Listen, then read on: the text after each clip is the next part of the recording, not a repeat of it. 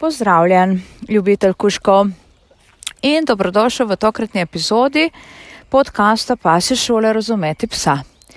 Danes nadaljujeva z najno zgodbo okoli delovnih kuškov.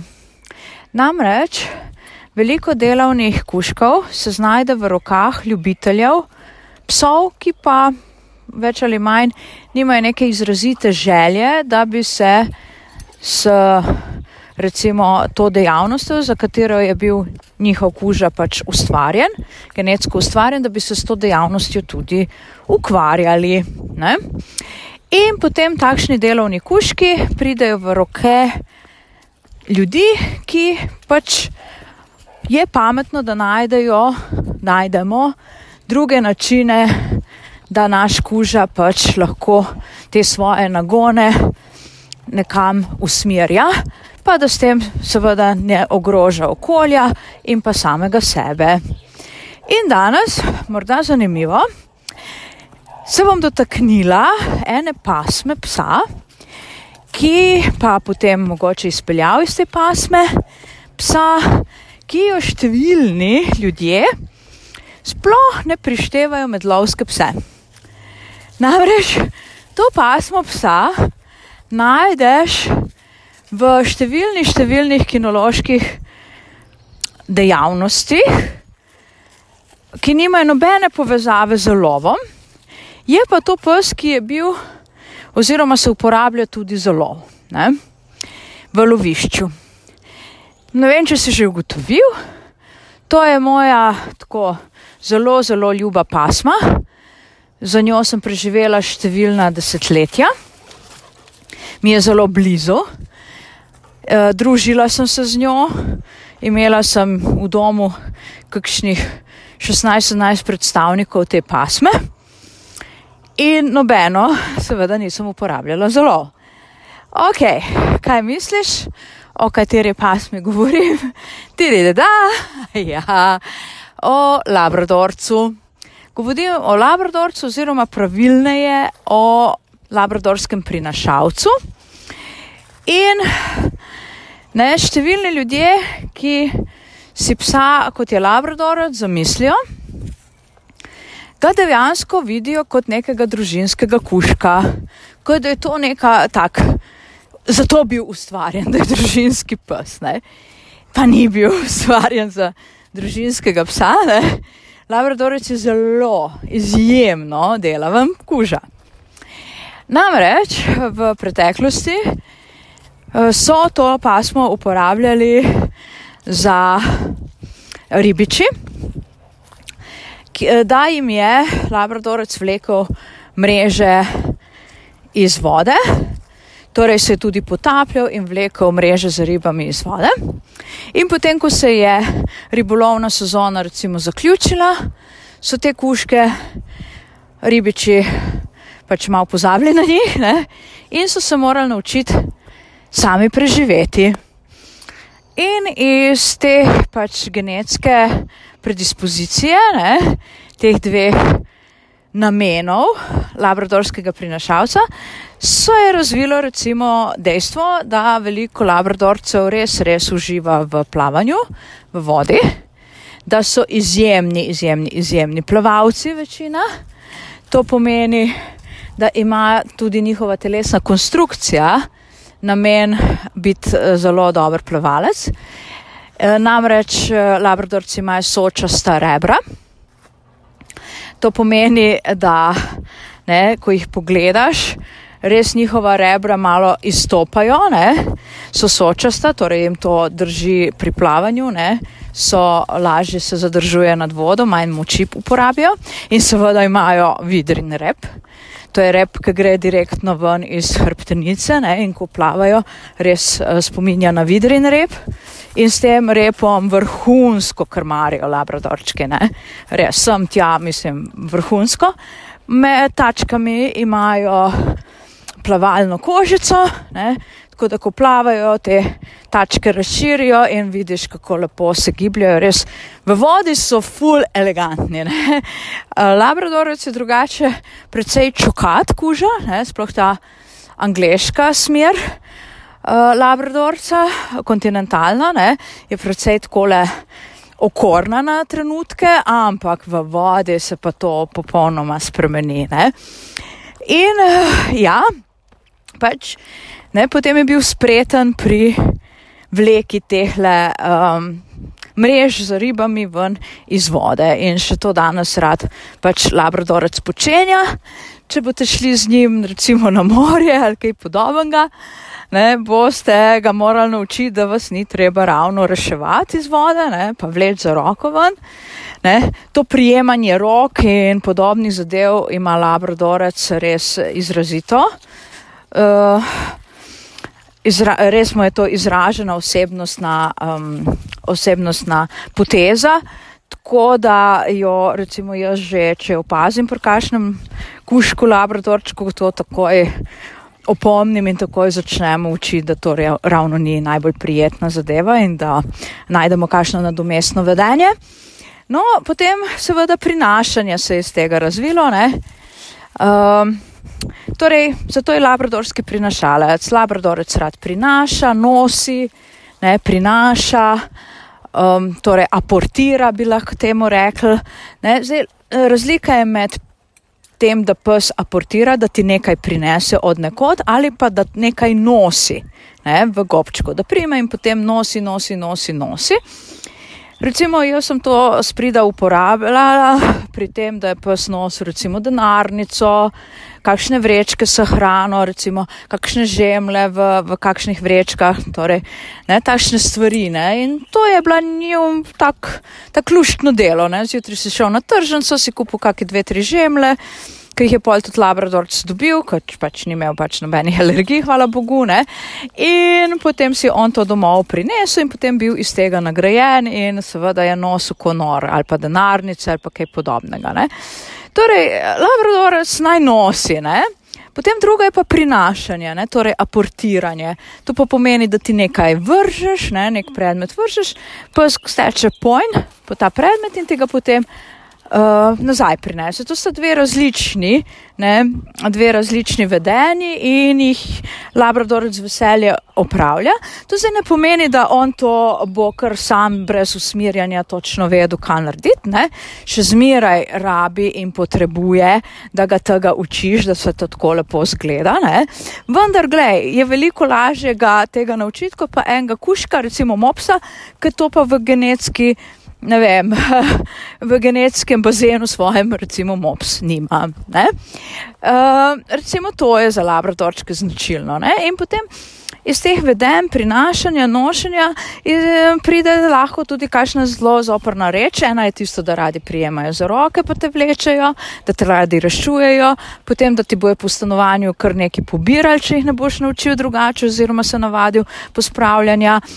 Skratka, radi kako zadevo primejo, ne? na mesto, da bi kaj druga z njo naredili, je to njim popolnoma preprosto, da to primejo in to nosijo. Recimo pri delu z nosom, ko pa išče uh, vonje uh, eteričnih olj in so skriti v kakem predmetu, ki ni pričvrščen, bi znal labradorec, sploh če mu je že, če je že utrujen in tako naprej, bi znal to zadevo kar prijeti in ti jo prinesti na mesto, recimo, da jo nakazuje. Takšen primer. Ne? Tako mu je to blizu, ne? to vedenje prinašanja mu je tako zelo blizu. Ne? Evo, tako, ne? in seveda, lovski pes je, labradorec je lovski kuža pomeni, da je zapirnato in pa malo divjat, to eh, pa za prinašanje recimo račk ne, in potem recimo rad se pedra labradorec iza tebe, ne, rad hodi iza človeka, ni toliko v ospredju. Sploh potem eh, za vzgoj in tako naprej se ta značilnost kar dobro pokaže.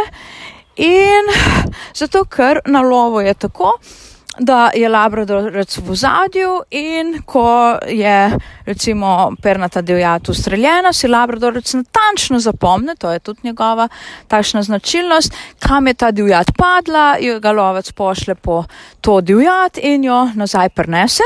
No, tu se skriva še ena lepota labradorca, da ima tako imenovan mehak ugriz. To pomeni, da ko karkoli prime v gobček, to ne stisne, ne? torej ne bo poškodoval te, te uplenjene divjadi. Recimo, če boš dal labradorčku nositi jajce, ga bo tako nosil, da ga ne bo niti malo poškodoval, ne? tako ima res, res uh, rahel ugriz labradorček. Ne? To je tudi zelo ena takšna zanimivost, kar se labradorcev tiče, imajo one velike zanimivosti. Uh, tako da to ima uh, fenomenalen nos torej so izjemno dobri eh, in pa odlični lovski kuški lahko. Uh, radi prinašajo iz vode, torej tudi race, tudi iz ledene vode, ničim ni, zato ker imajo zelo močno podlako, uh, njihova krovna dlaka je pa takole malo skoraj povoskana ne, in voda kar lepo zdrsi z te dlake. Ne. Ja, ampak zato, ker so pa še nekaj, ne. Aha, pa veliki so pobiralci vsega, um, kar najdejo. No, to izhaja pa iz tistega, da so bile prepuščeni samim sebi, ko so ribiči zaključili sezono ribolova ne, in so se morali nekako znajdati in so brtkali po smeteh. In veliko labradorčkov in njihovih skrbnikov je kar tako, oh, joj, moj, moj bi vse pobral, ne, vse, vse bi pojedel, kaj vidi. Ne. No, to pač je treba labradorčka mal več se potruditi, da se nauči samo nadzora in podobne stvari, ampak vse se to da. Vendar, ne, zato ker je v današnjih časih to, kar sem zdaj opisala, ne, so vse takšne značilnosti, lastnosti, ne, labradorca v splošnem, ampak v današnjih časih labradorčke uporabljamo za vse kaj drugega, uh, minimalno pa jih uporabljamo za lov. Ne? Sploh v Sloveniji jih res minimalno uporabljamo za lov. Vidimo jih namreč kot uh, vodnike slepih in pa slabovidnih, kot, pomo kot neke pomočnike invalidnim osebam. Veliko jih je bilo včasih v reševalnih enotah, eh, recimo pomagajo avtistom, so odlični terapevtski kuški, ne, ker imajo zelo, zelo takole. Um, Nežen karakter, ne? nežna osebnost, tako zelo prijazno, priljudno, tudi uh, njihov izraz na obrazu je tako zelo uh, mil, ne? ko te pogleda, ne? človek se uh, uh, skoraj da raztopi, ne, ko ga labradorec pogleda. Ne. Tako da uh, v današnjih časih, ravno zaradi tega, ker je prevzel vse ostale, ne vem, vloge ne, v, naš, v naši družbi, ga malo kdo obravnava kot nekega pač delovnega kuška, lovskega delovnega kuška. In uh, potem nekako vse te lasnosti, ki sem ti jih naštevala, uh, postanejo lahko zelo, zelo nadležne pri labradorcu. Ne? Najbolj se kaže kot nadležno to, da rad prijema roke, pa te nekam vleče, zelo nadležno je, da vse pobira, ne? da vse nosi. Ne? To so ljudje, skrbniki, do, dokaj pogosto pridajo s to težavo pri labradorcu, pa da vse pojene. S to težavo najpogosteje pridajo po nasvet kaj, kaj tu zdaj narediti. Ne? Malo kdo pa se zaveda, nekomu začnem jaz to pojasnjevati, odkot to pač izvira, da bojo oni to razumeli, da to ni kar samo od sebe. Se usedlo ravno v njihovega kuška, ne, po nekem čudežu in pa slučaju, ne, ni. To je genetika. Ne? In potem je vedno tako, ok, bomo mi učili tega tvojega labradorčka, bomo mi učili na domestnih vedenj. Absolutno ga bomo, vendar, dragi moj, je pa treba to potrebo psa, recimo po prinašanju, držanju, iskanju, ne vem, karkoli že kuža ima bolj izrazito, je treba pa najti način, da bomo tudi to psu omogočili, vendar tako, da bo njemu in tebi prijetno. Torej, ne, da bo pač prinašal, iskal in prinašal nekaj drugega, ne, ne pa tvoje, tvoje roke. Ne, pa da bo vlekel iz vode kaj drugega, ne pa ravno uh, tebe. Um, upam, da me zdaj tole razumeš, o, uh, o čem ti želim. Mm, govoriti in spregovoriti na tem primeru Labradorca, ki mi je izjemno blizu. Uh, da dejansko je potrebno zadovoljiti potrebe psa, potrebe psa in ga hkrati naučiti tistih nekih nadomestnih vedenj. Potrebe, ki pa izvirajo iz genetike, morajo biti zadovoljene. Ne? Torej, danes sem kot eh, pač primer izpostavila Labradorca, naslednjič pa ti bom pojasnila, ne, na kakšen način ne, sploh razmišljaš, najdeš načine zadovoljevanja nekih genetskih potreb um, tvojega kuška, ti bom dala nekaj predlogov, kako to storiti, kako jaz to delam, um, na kak način sploh spoznam osebnost psa, ne samo svojega, ampak tudi svojih strank, tako da potem nekako vem, kakšne potrebe moram zadovoljiti, da lahko tisto nadomestno vedenje se v psa usede, ne, da postane neko nadomestno vedenje za psa pač navada, hkrati pa so potrebe zadovoljene. Ne? Dejansko teživa k temu cilju. Tako, danes za to epizodo podcasta mislim, da sem povedala vse, kar sem ti nameravala. Mogoče bi lahko naslovila tole epizodo za ljubitelje labradorcev, ne? ker sem res, res natančno pogledala v, v njihovo osebnostno, eh, osebno izkaznico, bi lahko temu tako rekla. Naslednjič pa temo še majčkeno poglobimo in pa razširimo, tako da se zavedanje o psih širi. Vesela bom, če se naročiš na podcast Pasje šole razumeti psa, da me spremljaš na Facebooku, Instagramu, YouTubu in pa preko spletne strani Pasje šole razumeti psa. Za danes pa se ponovno iz gozda na sončen dan s Titom poslavljava in te lepo pozdravljava. Adijo!